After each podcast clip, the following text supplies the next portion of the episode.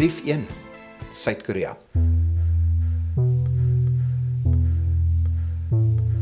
Ek onthou nog toe Nig Amelia en haar man Oregon toe getrek het. Sy het so 'n lange lys begunstigdes en e-poste ingesluit met wie sy die ervaring gedeel het. Die briefies met foto's by het so een keer 'n week gekom. Toe so een keer 'n maand en daarna het hulle net heeltemal opgedroog. Dis jammer. Die verbeelding is so 'n kragtige instrument. Die leser kleur die prentjies in wat jy vir hulle skep en vul dan self daardie deeltjies in wat jy uitsluit.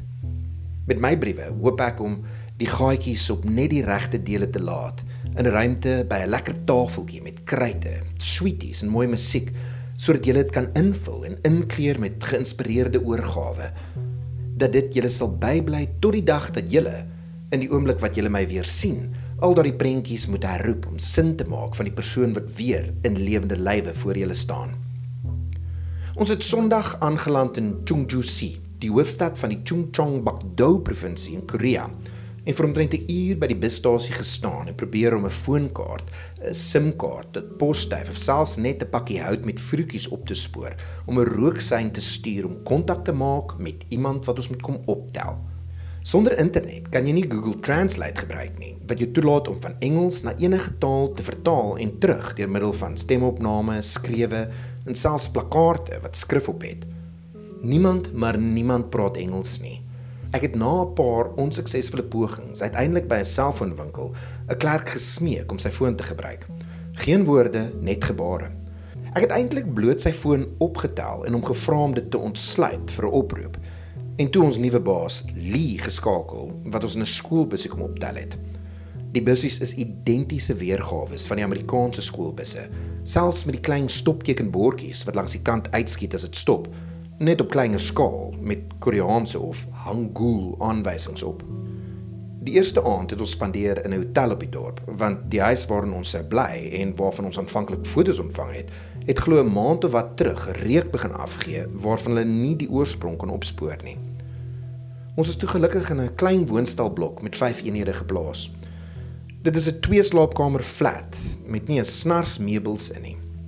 Die middag het hulle 'n bank en 'n dubbel bed vir ons gebring en 'n paar borde en 'n 'n pan of wat. Die voordeur het nie sleutels nie, maar 'n sleutelbord wat 'n vriendelike deentjie sing as jy die kode reg insleutel. Letterlik alles wat knoppies of 'n masjienkie in het hierso, maak 'n klankie waarmee jy geforseerd voel om jou koppie mee saam te knik. Om die toestand van beddens vir julle te verduidelik is ingewikkeld.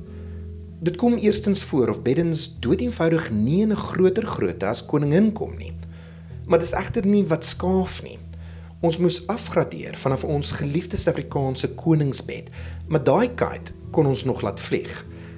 Dis dat die bed so hard soos klip is wat die tornado in die reeds beproewende vleervlieg sessie ontketen het.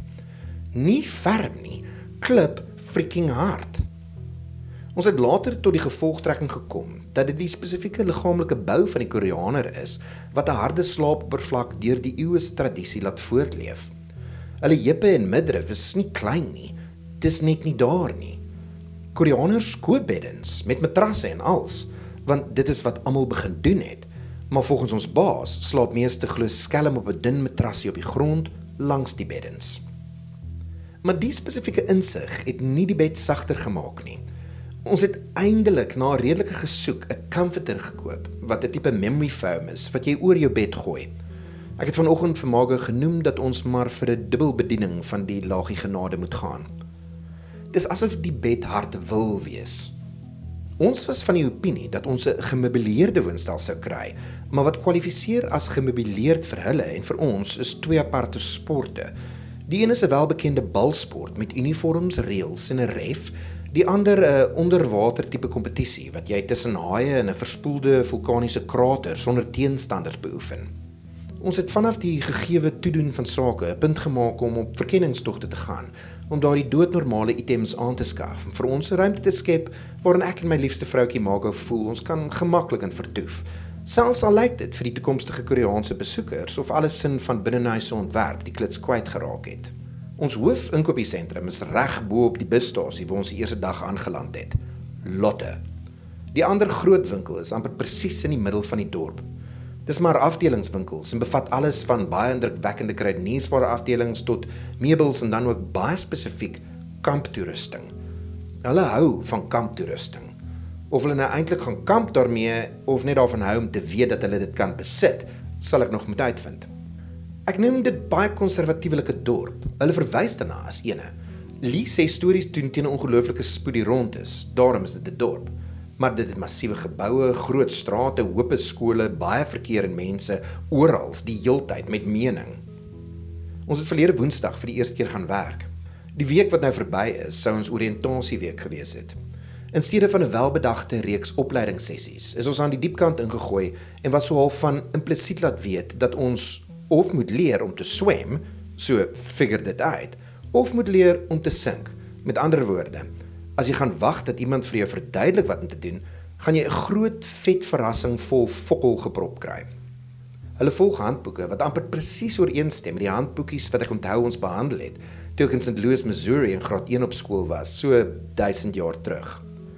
Daar's 'n tema soos my tuin of pret langs die rivier en dan is daar 'n leesstorieetjie, woordeskat, blokkies raaisels en 'n liedjie. Niks is meer swart op wit nie of in swart op wit nie. Geen kostes word gespaar om hulle bloot te stel aan ons westerse opvattinge nie. Daar's 8 Koreaanse Engelse onderwysers by ons skool wat twee kampusse het en elke skool het 'n hoofonderwyser. Beide Mage en ek is eers gelaat om 'n halwe klas oor te neem onder toesig en toe op Vrydag om hele klasse te neem.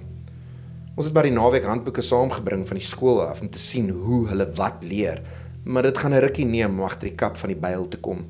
Dit lyk of ons supplementêre lesse gaan aanbied wat meer gerig is om leerders hul persoonlike ervarings van die temas in lesse oor te dra. Dit gaan 'n bietjie kreatiwiteit verg.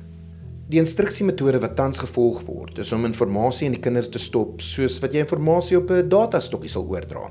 Standaard verpakte kliniese brokkies boekekennis oorgedra in 'n copy-paste en compute formaat. Dit is, ek glo, omrede dat die Koreaanse onderwysers regtig nie Engels kan praat nie. Hulle kan wel die woorde foneties uitdruk, wat meer as genoeg is. Die tyd wat jy in die skool spandeer skiet verby teen op sene spoed en voor jou oë uitvee gaan die dreun van die laaste alarm of, of klok af.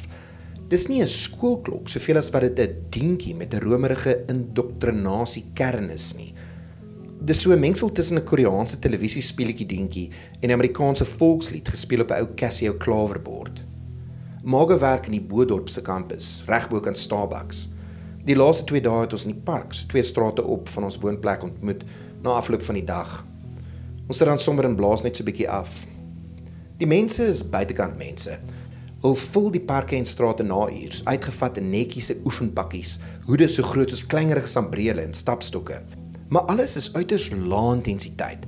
So asof alles om jou op halfspoed geskakel is en 'n vel versaggingsfotofilter daaroor gegooi is.